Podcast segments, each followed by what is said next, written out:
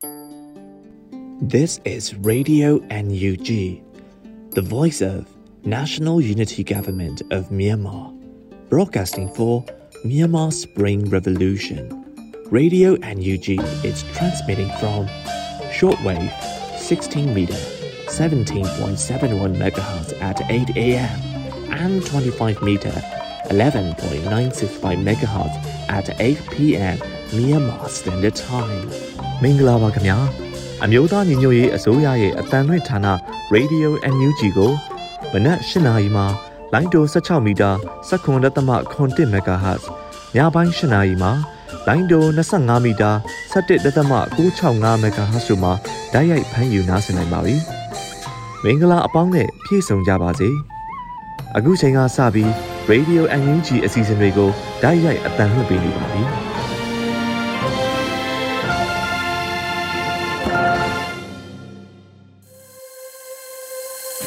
Radio NUG ကိုနားတော်တာဆင်နေတဲ့ပရိသတ်များမင်္ဂလာနေ့လည်ခင်းပါရှင်။ကျမတို့ရဲ့တိုးချက်ထုတ်လွှင့်မှုစီစဉ်ဖြစ်တဲ့နေ့လည်ခင်းစီစဉ်တွေကိုစတင်ထုတ်လွှင့်ပေးတော့မှာဖြစ်ပါတယ်။ဒီနေ့နေ့လည်ခင်းမှာတင်ဆက်ပေးဖို့ရှိနေတဲ့အကြောင်းအရာတွေကတော့ပြည်သူတွေစိတ်ဝင်စားစေမဲ့နေ့လည်ခင်းသတင်းတွေ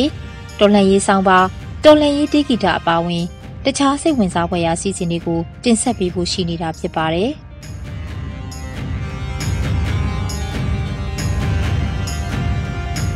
ဒီနေ့နေ့လည်ခင်းရဲ့ပထမဆုံးအစီအစဉ်အနေနဲ့နေ့လည်ခင်းသတင်းတွေကိုတော့ရန်နိုင်ကဖတ်ကြားတင်ပြပေးမှာဖြစ်ပါတယ်ရှင်။မင်္ဂလာပါခင်ဗျာ။ခုချိန်စပြီး Radio NUG နေ့လည်ခင်းသတင်းတွေကိုဖတ်ကြားတင်ပြပေးပါတော့မယ်ခင်ဗျာ။အခုတင်ပြပေးမယ့်သတင်းတွေကတော့ Radio NUG သတင်းတာဝန်ခံတွေနဲ့ခိုင်လုံတဲ့မိဘသတင်းရင်းမြစ်တွေကအခြေခံထားတာပဲဖြစ်ပါလေ။ကျွန်တော်ကတော့ရန်နိုင်ပါ။ Silent Strike နေ့မှာ စစ်ကောင်စီဖမ်းသွားတဲ့ဓာတ်ပုံသတင်းတော်တူဟာစစ်ကြောရေးမှာအသက်ခံလိုက်ရပါတယ်။ကိုစိုးနိုင်ဟာအလွတ်တန်းဓာတ်ပုံသတင်းတော်တူဖြစ်တယ်လို့ graphic designer တူလည်းဖြစ်ပြီးဖမ်းဆီးသွားတာခံရပြီးတဲ့နောက်၃ရက်အကြာမှာကြာဆုံးသွားခဲ့ပြီလို့မိသားစုဝင်များကအတည်ပြုပြောကြားပါတယ်။ကိုစိုးနိုင်ဟာစစ်အာဏာရှင်တော်လှန်ရေးပြည်သူများပူးပေါင်းပါဝင်ခဲ့ကြတဲ့တိတ်ဆိတ်ချင်းတပိတ်ဓာတ်ပုံများကိုလာသာမြို့နယ်အတွင်းမှာဓာတ်ပုံရိုက်ယူနေစဉ် အာနာသိန်းစစ်တပ်ကဖမ်းဆီးသွားတာပါအကြမ်းဖက်စစ်ကောင်စီဟာဖမ်းဆီးရမိတဲ့သူတွေကိုစစ်ဆေးမြင့်မြတ်ရင်စစ်ကြောရေးမှာလက်လွန်လူသက်ချင်းဟာအစင်အလာတစ်ခုလိုဖြစ်နေပြီးအခုဖြစ်စဉ်မှာတော့မယုံနိုင်အောင်ဖြစ်ရတယ်လို့ကိုစိုးနိုင်ရဲ့မိသားစုဝင်တွေနဲ့ရင်းနှီးသူများကထုတ်ဖော်ပြောဆိုကြပါတယ်ကိုစိုးနိုင်ကခက်အေးအေးရဲ့စကားတော့သိပြောရတဲ့မဟုတ်ဘူးအဲ့ဒါတော့မထင်ထားဘူးလို့ကိုစိုးနိုင်ရဲ့မိသားစုနဲ့နှီးဆက်သူတို့ကပြောပါတယ် သူကအတန်လေးတစ်ပိတ်ကိုဓာတ်ပုံလိုက်ရိုက်ရင်မြို့ထဲမှာဖမ်းသွားတာဖမ်းသွားတာကစစ်တပ်ကဖမ်းတာပဲဒီနေ့ဆုံးသွားပြီလို့သိရတယ်နာယီကဘလို့ဖြစ်မလဲအလောင်းပြန်ပေးမလားဘလို့လုပ်မလဲဆိုတာတော့သေချာမသိသေးဘူးလို့ရန်ကုန်အခြေစိုက်ဓာတ်ပုံဆရာတူကပြောပါတယ်ကိုစိုးနိုင်ဟာအလုတ်တူတွဲလုပ်ခဲ့သမျှတည်ခဲ့ရသမျှလူကောင်းလူအေးလူမှန်တူလည်းဖြစ်ပါတယ်အေးအေးချမ်းချမ်းကြိုးစားနေတဲ့သူဒုက္ခမပေးတတ်သူတာဝန်သိတတ်သူအမှန်တရားကိုမျက်နှိုးသူ အဲ့ဒါလိုလူမျိုးပါ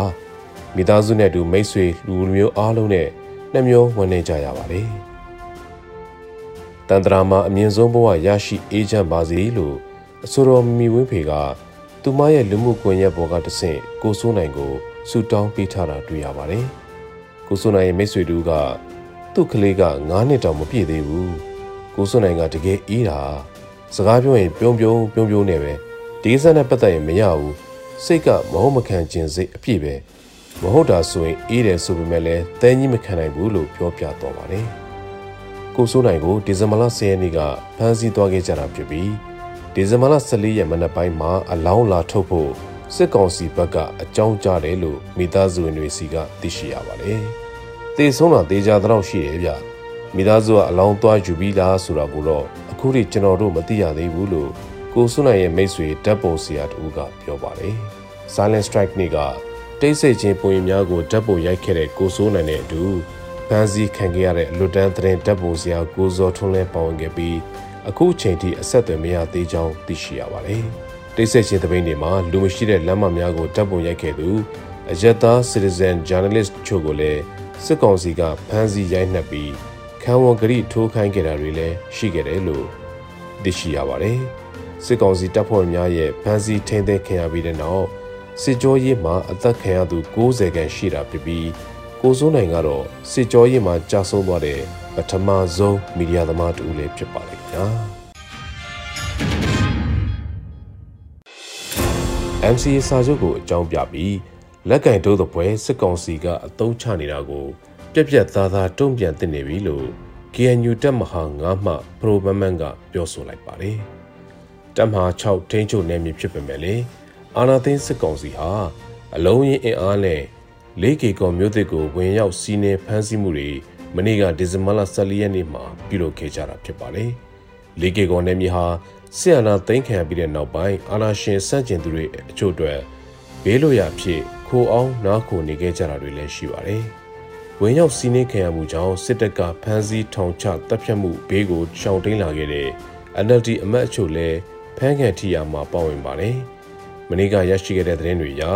မြောင်းမြမြို့နယ် NLD အမတ်ဒေါက်တာဝီလင်းအောင်အပါဝင်အယောက်20ကျော်အထိစစ်ကောင်စီကဖမ်းဆီးသွားတယ်လို့သတင်းတွေကဆိုပါတယ်။ခုလိုစစ်ကောင်စီကကရင်တော်လိုင်းနယ်မြေကိုဝင်ရောက်စီးနင်းတဲ့အပေါ်မှာ KNU တပ်မဟာ9မှပရိုမန်မန်ကတော့ NCA စာချုပ်ရဲ့ချုံတော်မှုကိုထောက်ပြသွားပါတယ်။လေးကီကောင်မျိုးသစ်ဆိုတာဦးသိန်းစိန်လက်ထက်ကလေးကငင်းချင်းအကြောင်းပြပြီးနယ်မြေစိုးမိုးထိန်းချုပ်နိုင်မှုကို ရည်ရွယ်တိဆောက်ထားခဲ့တဲ့နေရာဖြစ်တယ်လို့သူကလည်းပြောပါတယ်။ DKPA နယ်မြေဖြစ်တဲ့စုကလီမြို့နယ်ဆိုရင်လည်းဒီသဘောပါပဲ။သူတို့ရဲစခန်းတွေလာဆောက်ပြီးတော့အခြေချထားရကနေပြီးဒါဟာကရင်လက်နက်ကိုင်တွေရဲ့လုံးဝထိန်းချုပ်နယ်မြေဖြစ်တယ်လို့ပြောရခက်သွားပါပြီ။ကနဦးရွေချက်ကိုကထိန်းချုပ်နိုင်မှုဝင်သွင်းထားတာပဲဖြစ်တယ်လို့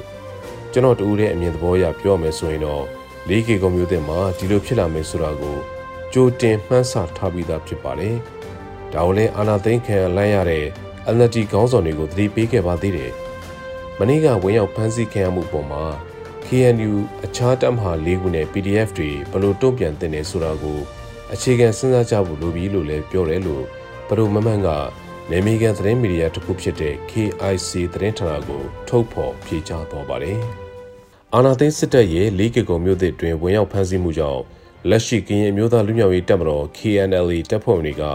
စစ်ရေးအသင့်ပြင်ထားတဲ့အနေအထားမှာရှိနေတယ်လို့လည်းဒေသခံတွေစီကသိရှိရပါတယ်။အခုလိုသူတို့ဘာနေမြေကိုဝင်ရောက်ကျူးကျော်ဖမ်းဆီးမှုဟာလူသားချင်းစာနာမှုကင်းမဲ့တဲ့လုပ်ရဖြစ်တယ်လို့ဒီမိုကရေစီလိုလားသူတွေဘက်ကတုံ့ပြန်ပြောဆိုနေကြပြီးပရိုမမန်ကတော့ဒါကိုမထူးဆန်းဘူးလို့ဖြေကြားခဲ့တာဖြစ်ပါတယ်။ပြည်သူကိုတနက်နဲ့ပြစ်တက်ရုံနဲ့မကဘူးလမ်းပေါ်မှာတော့ကားနဲ့တိုက်တက်သေးတာပဲဝင်ရောက်စီးနှင်းဖမ်းဆီးတာကအဆမ်းမဟုတ်တဲ့အကြောင်းသူကဆိုပါတယ်။ ကရင်လက်နက်ကိုင်အခြားတပ်မဟာ၄ဘွဲကလည်းအခုလိုလုပ်ရအပေါ်ပြက်ပြက်သားသားတုံ့ပြန်တင်တယ်လို့ပြောဆိုလိုကြောင်းဖြေကြားလာပါတယ်။ဒါပြင်လက်ရှိအချိန်ထိတည်မြဲခိုင်မာမှုကင်းမဲ့နေတဲ့ NCA စာချုပ်နဲ့ပတ်သက်ပြီးသူ့ရဲ့ထင်မြင်ချက်ကိုအခုလိုဖွင့်ဟပါတယ်။ကရင်လက်နက်ကိုင်အဖွဲ့တွေဟာ NCA စာချုပ်နဲ့တွန်းတော်ခံထားရတာပါတခုခုဆိုရင်သူတို့ဘက်က NCA ကိုအကြောင်းပြပြီးပြောဆိုတယ်ကန့်ကွက်တယ်ဒါကိုဒီစာချုပ်ကိုပဲစိုးရင်နေဘုံးမယ်ဆိုရင်အလုံးမဖြစ်တော့ဘူး ဒီချိန်မှာတော့ကရင်လက်နက်ကိုင်၄ဘွဲ့စလုံးကပြည်သူကိုကာကွယ်ရေးအတွက်ပြက်ပြက်သားသားတွန့်ပြန်တင်နေပြီလို့ကျွန်တော်အနေနဲ့ပြောလိုတဲ့အကြောင်းကိုဆိုပါတယ်ဆက်လက်ပြီး NCA ဆိုတာတရားဝင်ပြက်ပြက်သွားပြီဆိုတာလက်ခံဖို့လိုတယ်ဒါကိုတရားဝင်ထုတ်မပြန်နိုင်သေးဘူးဆိုရင်တော့စစ်ကောင်စီဘက်ကဒါကိုအကြောင်းပြပြီးလက်ကင်တုပ်တဖွဲ့သုံးနေဦးမှာဖြစ်ပါတယ်။အဲဒါကြောင့် KNU က PPSD ဖွဲ့ရောဒီစာချုပ်တရားမဝင်တော့ဘူးဆိုတာကိုရှင်းရှင်းလင်းလင်းထုတ်ပြန်ဖို့လိုပါတယ်။ KNU ဟာကရင်တော်လိုင်းရေးကိုဘရော့မှသစ္စာဖော်မှာမဟုတ်ဘူး။ PDF တွေနေနဲ့လည်းမြေပြင်အခြေအနေကိုကောင်းစွာနားလည်သဘောပေါက်ဖို့လိုမှဖြစ်ပါတယ်လို့ NCA ကိုပြက်ပြပြီးဖြစ်ကြောင်းတရားဝင်ကြေညာနိုင်မှသာလျှင်အခြားကရင်လက်နက်ကိုင်တပ်တွေဖြစ်တဲ့ BGF, DKBA PC အကုန်ပေါင်းစည်းပြီးပြက်ပြက်သားသားပြန်လည်ခုခံနိုင်မှာဖြစ်တဲ့အကြောင်းအပြင်ပြည်သူလူထုမျက်နှာနဲ့တော်လှန်ရေးရက်တီမှုအပေါ်မှာလက်ပိုက်ကြည့်မနေပဲရဲရဲရင်းရင်းတုံ့ပြန်မှုလိုတဲ့အကြောင်းကို Grand Information Center ကိုပြောဆိုသွားခဲ့ပါတယ်ခင်ဗျာအာနာသိန်းစစ်တပ်ကအလိုမကျမှုနဲ့တန်ဃာတွေဖမ်းဆီးခြင်းဖိနှိပ်ခြင်းများကျူးလွန်လျက်ရှိပါတယ်ဒီဇင်ဘာလ14ရက်နေ့ကတေချောင်းမြို့နယ်ပင်းတော်ကြီးရွာကမှန်ကျောင်းမြေရှိဖုန်းတော်ကြီးကျောင်းမှာအာနာသိန်းစစ်တပ်ကတက်ဆွဲဖို့လာပြောပါလေအသက်အရွယ်ကြီးရင်ပြီဖြစ်တဲ့ကျောင်းနိုင်ဆရာတော်ကစိတ်ညစ်မခံလိုတာကြောင့်လက်မခံခဲ့ပါဘူးမကြခင်မှာပဲ စစ်တပ်ကဘုန်းကြီးကျောင်းဝင်းကကားနှစ်စီးကိုလိုင်စင်မဲလို့ဆိုပြီးတင်စီသွားကြပါတယ်ဆရာတော်ကြီးကအသက်ကြီးနေပြီဆိုတော့စင်ကြီးမှာဆိုလို့တက်ဆွဲတာကိုလက်မခံနိုင်ဘူးဆိုပြီးပြောပြတာပါသူတို့ကပြောတာကိုလက်မခံလို့ထင်တယ်အကြောင်းကကားနစီကိုတိမ့်တယ်ဆိုပြီးတိမ့်သွားတယ်လို့ဒေသခံတူကပြောပါတယ်အလားတူပဲဖြစ်စဉ်အတိုင်းပါပဲစစ်တပ်ဟာသူတို့အလိုဆန္ဒနဲ့စန့်ကျင်ဘက်ဖြစ်လာတိုင်းအကြောင်းမျိုးစုံရှာပြီးဖမ်းဆီးဖိနှိပ်တပ်ဖြတ်တာတွေကိုနိုင်ငံအနှံ့မှာကျူးလွန်နေကြပါတယ် ဒီဇင်ဘာလ9ရက်နေ့မှာလည်းလောင်းလုံမြို့နယ်ကညုံကျွန်းကျေးရွာရွာလေကျောင်းမှာစစ်တပ်တပ်ဆွဲတာကိုလက်မခံမှုနဲ့ဦးအိန္ဒဝန်သားအမည်ရှိတဲ့တန်ကတော်တစ်ပါးဟာအဖမ်းဆီးခံခဲ့ရပါတယ်စစ်တပ်လာဆွဲတာနဲ့ပတ်သက်ပြီးကျောင်းကတန်ဃာတွေနဲ့သူတကောကိုတကောစကားချင်ဖြစ်ကြသေးတယ်။အဲမနေ့ကျတော့စစ်ဆေးစရာရှိတယ်ဆိုပြီးလာဖမ်းသွားတာပဲလို့ဒေသငယ်တယောက်ကပြောပါတယ်။အာနာသိန်းစစ်တပ်ကိုစန့်ကျင်တော်လှန်ရေးမှာတန်ဃာတော်များဟာလည်းပါဝင်နေတာကိုတွေ့ရပြီးစစ်ကောင်းဆောင်ကတော့ သူတို့အဖွဲ့အစည်းကအမျိုးဘာသာသာသနာကိုစောင့်ရှောက်နေတာဖြစ်တယ်လို့မကြာခဏပြောဆိုထုတ်ပေါ်လေးလည်းရှိပါတယ်ခင်ဗျာ။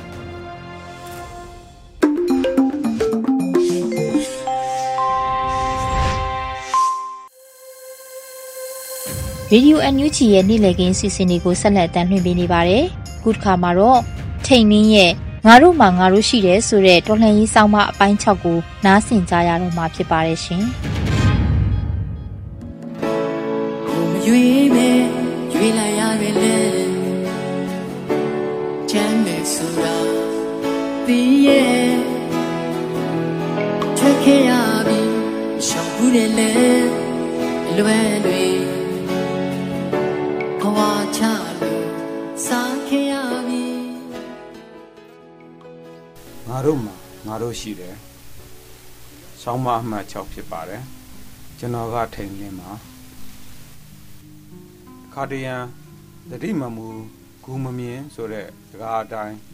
ကိုယ့်ပတ်ဝန်းကျင်မှာဘာတွေဖြစ်နေတယ်ဆိုတာတတိလက်လွတ်ဖြစ်တတ်တယ်လို့ကိုယ့်အသားထိမှနာကိုယ့်တော့ကကြမှပူတတ်တဲ့အလေးတွေကြောင့်အများနဲ့ထပ်တူမကြဖြစ်တတ်ပါတယ်။အတိတရားနှဲပါမှုနဲ့ကိုချင်းစာတရားခေါင်းမမှုတွေပါပေါင်းလိုက်ပြီဆိုရင်တော့တည်တင်တာတွေမသိလှုပ်တင်တာတွေမလှုပ်ခဲခေတ်အခြေအနေနဲ့ကင်းကွာနေမှာ အသေးချပါပဲ1960ပြည့်နှစ်တွေဟာအမေရိကန်ပြည်ထောင်စုမှာ Elvis Presley က pop ဂီတရဲ့အထွတ်အထိပ်ရောက်ရှိတဲ့ကာလများဖြစ်တယ်လို့ဘာဘီအယုတ်စတင်ပေါ်ပေါက်လာပြီးခလစ်သူငယ်များအတွက်ရေပန်းစားတဲ့ကာလဖြစ်ပါတယ်အမေရိကန်နိုင်ငံရေးမှာလည်း Richard Nixon နဲ့ John F Kennedy တို့ရဲ့ရွေးကောက်ပွဲအတွက်တကားစစ်ထိုးပွဲတွေကျူးဘာရေးအခင်းကြောင့်နိုင်ငံရေးရေချိန်မြင့်တက်နေတဲ့ ကာလတွေဖြစ်ပါတယ်။တစ်ဖက်မှာလည်းအာဖရိကနွယ်ဖွာအမေရိကန်များရဲ့အခွင့်အရေးတောင်းဆိုမှုတွေကအထွတ်အထိပ်ကိုရောက်ရှိခဲ့ပါတယ်။1960ပြည့်နှစ်တွင်မှာအမေရိကန်ပြည်ထောင်စုအနှံ့လူမျိုးရေးခွဲခြားဆက်ဆံတဲ့စနစ်ကိုဆန့်ကျင်တဲ့ဆန္ဒပြမှုတွေပေါ်ပေါက်လာခဲ့ပါတယ်။တပိတ်တိုက်ပွဲတွေကိုလည်းနှီးမျိုးစုံနဲ့ဆင်နွှဲခဲ့ကြပါတယ်။သူတို့က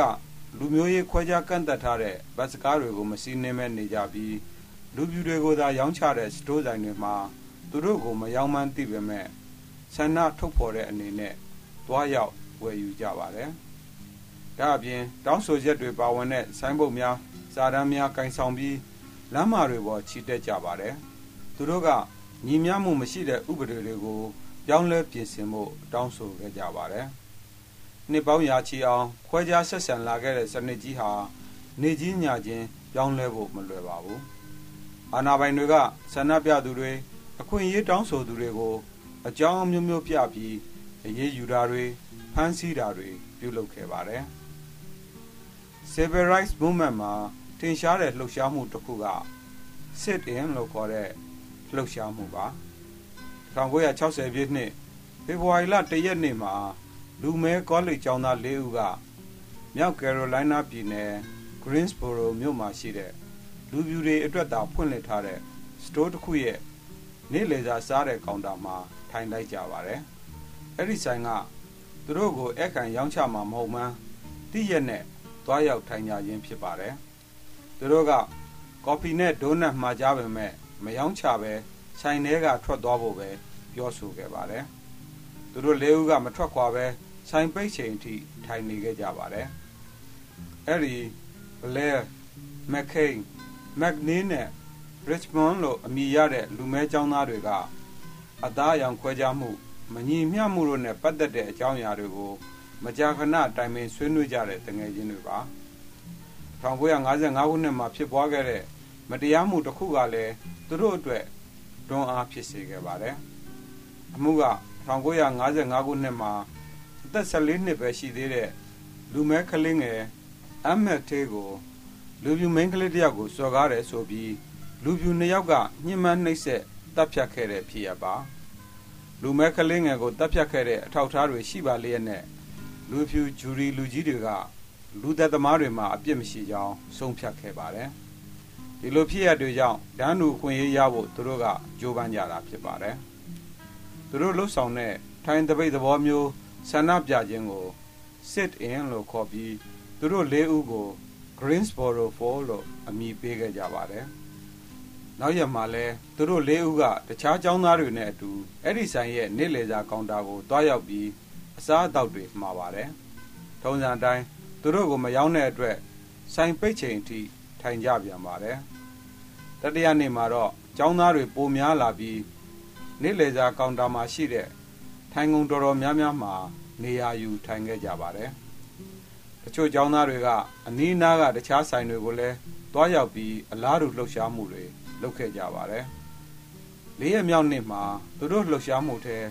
လူဖြူကျောင်းသူ၃ဦးပါဝင်လာခဲ့ပြီး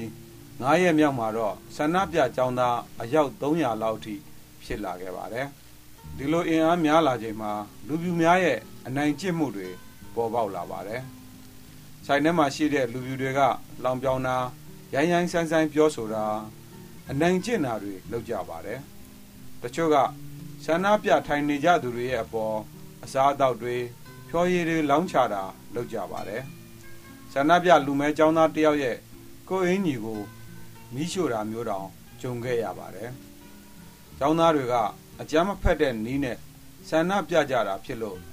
သူတို့ကိုအနိုင်ကျင့်တာတွေကို တုံ့ပြန်ရန်ပြုတာတွေမလုပ်ကြပါဘူး။ဒါပေမဲ့သတင်းဌာနတွေကဒီသတင်းတွေကိုအလေးထားဖော်ပြခဲ့တာကြောင့်တခြားသောရက်ဒေသတွေကပါသိရှိသွားပါတော့တယ်။အဲဒီနောက်ဒီလိုဆန္ဒပြမှုမျိုးတိုင်းပြည်အတွင်းကမြို့ပေါင်း100ကျော်မှာပေါ်ပေါက်လာခဲ့ပါတယ်။အတလန်တာမြို့မှာလည်းမာတင်လူသာကင်းရဲ့အဖွဲ့ကစစ်အင်လှုပ်ရှားမှုလှုပ်ဆောင်ခဲ့ကြပြီးအာဏာပိုင်တွေရဲ့ဖမ်းဆီးခြင်းကိုခံခဲ့ရပါတယ်။ ဒီလိုလှုပ်ရှားမှုတွေကြောင့်တလကျော်လောက်ကြာတဲ့အခါလူပြူတွေအတွက်သာရောင်းချခဲ့တဲ့တချို့နေလေစာရောင်းတဲ့နေရာတွေကအာဖရိကနွယ်ဘွားများအတွက်နေလေစာရောင်းချပေးတာတွေစတင်ပေါ်ပေါက်လာခဲ့ပါတယ်မြမပြည်သူများခမညာနှမ်းတလုံးနဲ့စီမဖြစ်ဘူးဆိုတာနှမ်းစီတိုင်းမှာရှိနေတဲ့အစွမ်းနဲ့ဂုံတက်တွေတွေကို အထင်သေးတဲ့သဘောဖြစ်ပါတယ်တစီချင်းရှိတဲ့ နှမ်းစီတွေပေါင်းလိုက်လို့နှမ်းစီဆိုပြီးဖြစ်လာတာပါကိုဟာနှမ်းတစိဖြစ်တယ်ဆိုရင်တော့ဂုံတက်တိပြေဝတဲ့နှမ်းတစိဖြစ်တယ်လို့ယုံကြည်လိုက်ပါလုံးဝမမေ့ပါနဲ့ငါတို့မှာငါတို့ရှိပါတယ်အားလုံးကျေးဇူးတင်ပါတယ်အနုချေကိုင်းတဲ့လက်တွေကိုအရိုင်းမြေမှာအချမ်းတွေကိုင်း စေရင်ခီးပြင်းမြင်ရ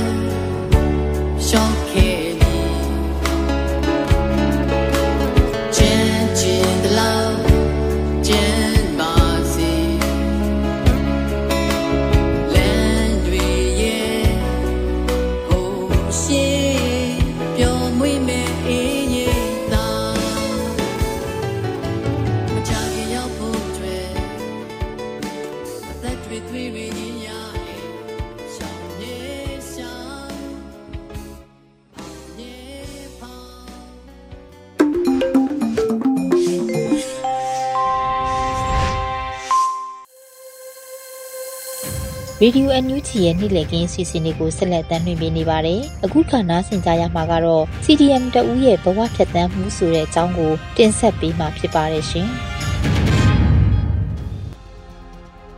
မင်္ဂလာပါမောင်လေးရေ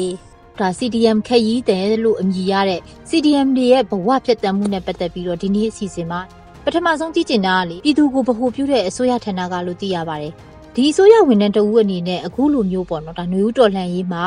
CDM လှုပ်ဖြစ်ခဲ့တဲ့အကြောင်းလေးနဲ့ပတ်သက်ပြီးတော့ပေါ့နော်ဘာကြောင့်လှုပ်ဖြစ်ခဲ့တာလဲဆိုတာလေးကိုပထမဆုံးအနေနဲ့ပြောပြပေးပါဦး CDM မှာလို့လုပ်ဖြစ်လဲဆိုတော့ရှုံးနိမှုတွေကိုအချက်တရားရှိရှိလက်မခံရတဲ့လက်နက်ကိုင်အဖွဲ့အစည်းရဲ့အနာတူးယူမှုလက်မခံနိုင်လို့ပါကျွန်တော်တက္ကသိုလ်ကျောင်းသားဘဝအထိလက်နက်ကိုင်အဖွဲ့အစည်းတစ်ခုရဲ့အုပ်ချုပ်မှုအောင်မှာကြီးပြင်းလာခဲ့ရတာသူတို့နဲ့ပတ်သက်တဲ့အရာတိုင်းမှာလူပိသားစာဆက်ဆံခံရမှုတွေမ ရခဲ့ဘူးအကြောက်တရားကိုအသုံးချပြီးကိုယ့်ရဲ့ဖြစ်စဉ်မှုတွေကပတ်စံပေးထောက်ခံစာလောက်ခံရတဲ့အချိန်တွေကိုပြန်မလို့ခြင်းတော့ဒါကြောင့်အာနာသိမ့်တဲ့နေ့ကလေးကလှုပ်ထွက်ဖို့တွေးတာတယ်နောက်တော့တရက်နေ့အတွင်း CDN လှုပ်ရှားမှုလုပ်ဖို့တိုက်တွန်းလာကြတော့ CDN မှာပါဝင်ဖြစ်သွားတာပါဟုတ်ကဲ့နောက်ထပ်လေဒီအလုပ်ကိုဝင်လုံးဝင်လာတော့ကပေါ့နော်ဘယ်လိုရည်ရွယ်ချက်နဲ့ဝင်လာလဲပြီးတော့အဲ့ဒီအချိန်တုန်းကခန်းစားချက်ကရောဒီအလုပ်ကိုရတဲ့ခန်းစားချက်လေးကိုလည်းပြောပြပေးပါဦးကျွန်တော်အစိုးရဝန်ထမ်းစားလို့ဖြစ်တာက စစ်တပ်အုပ်ချုပ်ရေးရနေပြီးတော့ရွေးကောက်ခံသမ္မတအုပ်ချုပ်ရေးစနစ်ကူပြောင်းကစားဦးသိန်းစိန်သမ္မတလုပ်တဲ့အချိန်မှပါအဲ့ဒီအချိန်ကအစိုးရလုပ်ဆိုတာနားစာအမတန်နေတယ်ငါးတောင်းဝင်းညင်တော်ပဲရတယ်ကျွန်တော်ကိုယ်ပိုင်တဲ့ဒီမိုကရေစီရဲ့အနှစ်သာရကိုခံစားခြင်းတယ်အခံစားခြင်းတဲ့အပြင်အဲ့ဒီမိုကရေစီပေါ်ဆောင်တဲ့နေရာမှာကိုယ်တိုင်လည်းပါဝင်ခြင်းတယ်သိတဲ့အတိုင်းပဲမြန်မာနိုင်ငံက လက်နက်ကိုင်အဖွဲ့အစည်းတစ်ခုရဲ့အောက်ချုပ်မှုအောက်မှာကြာကြီးနေကြရတော့ဆိုရရန်တရားထဲမှာခောက်ရိုးကျိုးနာခံနေတဲ့လူတွေပဲရှိနေဒီလိုရွေးကောက်ခံသမ္မတတက်လာတဲ့အခါမှာအစိုးရရန်တရားပြောင်းလဲဖို့ဆိုရင်ခေပညာတဲ့လူငယ်တွေလိုအပ်တာကိုကျွန်တော်နားလေတယ်ဒါကြောင့်ကျွန်တော်တခြားအလုပ်မလုပ်ဘဲနဲ့ဒီအစိုးရဝန်ထမ်းလုပ်ကိုလုပ်ဖြစ်ခဲ့တယ်ဟုတ်ကဲ့ဒီလုတ်သက်အနေနဲ့အောင်ပေါ့ဒီ CDM လုတ်တဲ့အထီကိုပေါ့နော်ဘယ်လောက်ရှိလဲပေါ့လုတ်သက်တွေဘယ်လောက်ရှိရဲဘယ်လောက်ထိစွန့်လွတ်ခဲ့ရလဲဆိုတာကိုသိချင်တာပါ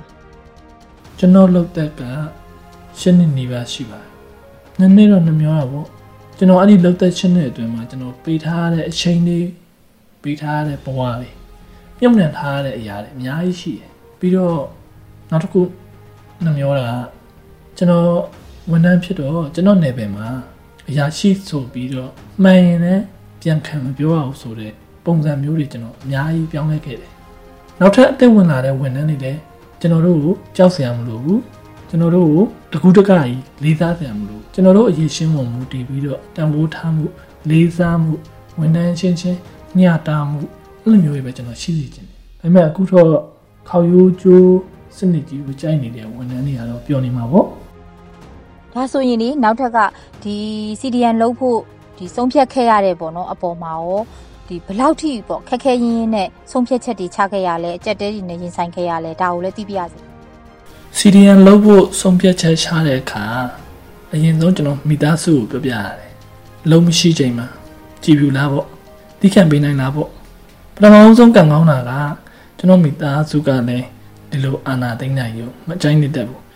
ဒါကြောင့်ကျွန်တော်မိသားစုကြားတဲ့အခက်အခဲကိုကျွန်တော်ဖြေရှင်းနိုင်ခဲ့တယ်။ကျွန်တော် CDN လုပ်နိုင်ခဲ့တယ်။အဲ့လိုတစ်ဖက်တစ်ခါကြည့်မယ်ဆိုရင်လည်းအဲ့လိုမိသားစုကမကြည်ပြူလို့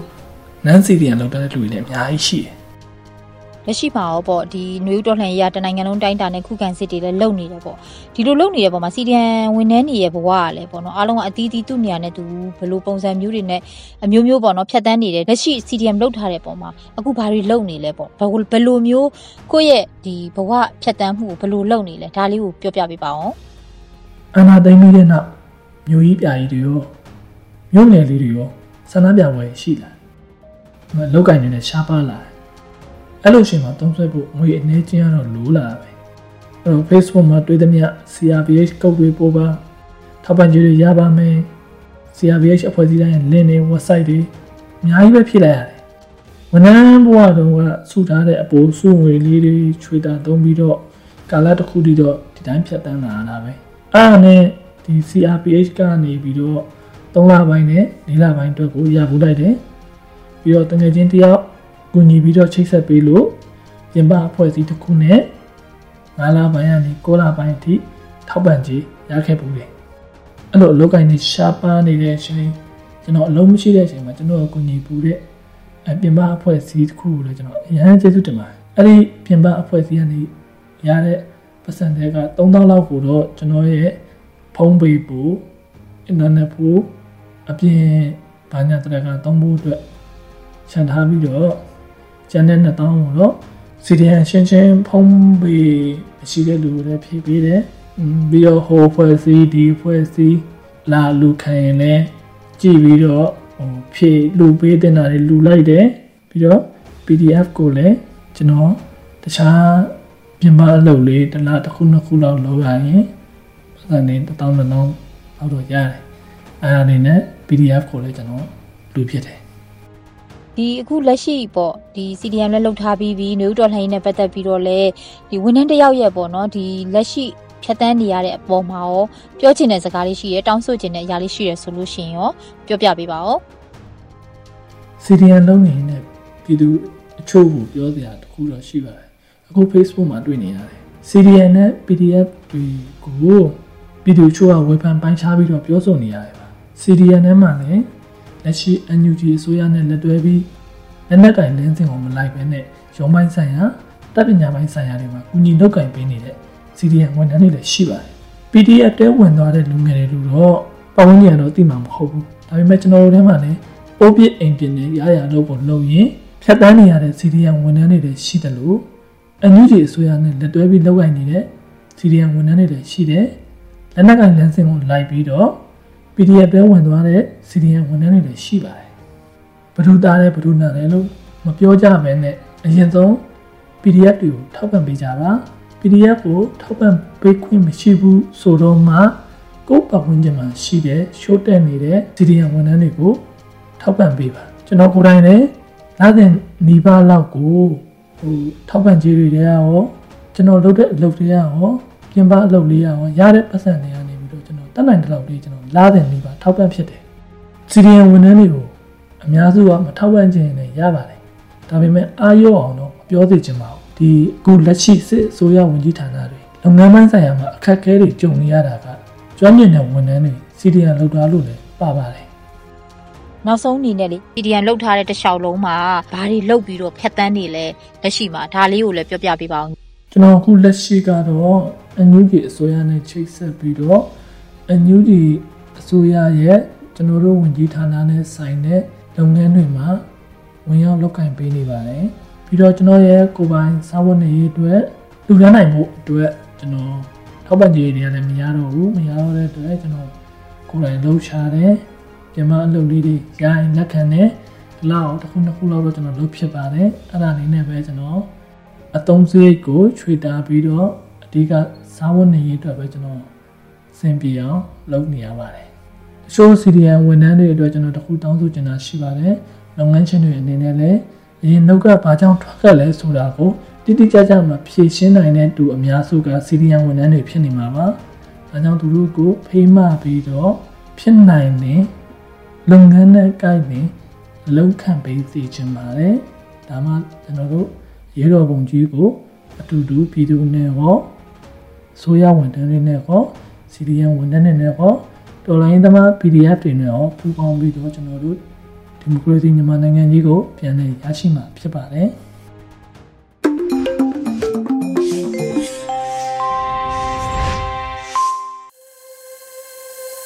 ဒီနေ့နေ့လည်ခင်းရဲ့နောက်ဆုံးအစီအစဉ်အနေနဲ့တော်လှန်ရေးဒေဂီတာအစီအစဉ်ကိုတင်ဆက်ပေးခြင်းပါတယ်လူအခွင့်အရေးဝန်ကြီးဌာနရဲ့ Equal Revolution 2021ဆိုတဲ့ဒေဂီတာကိုနားဆင်ကြရတော့မှာဖြစ်ပါတယ်ရှင်။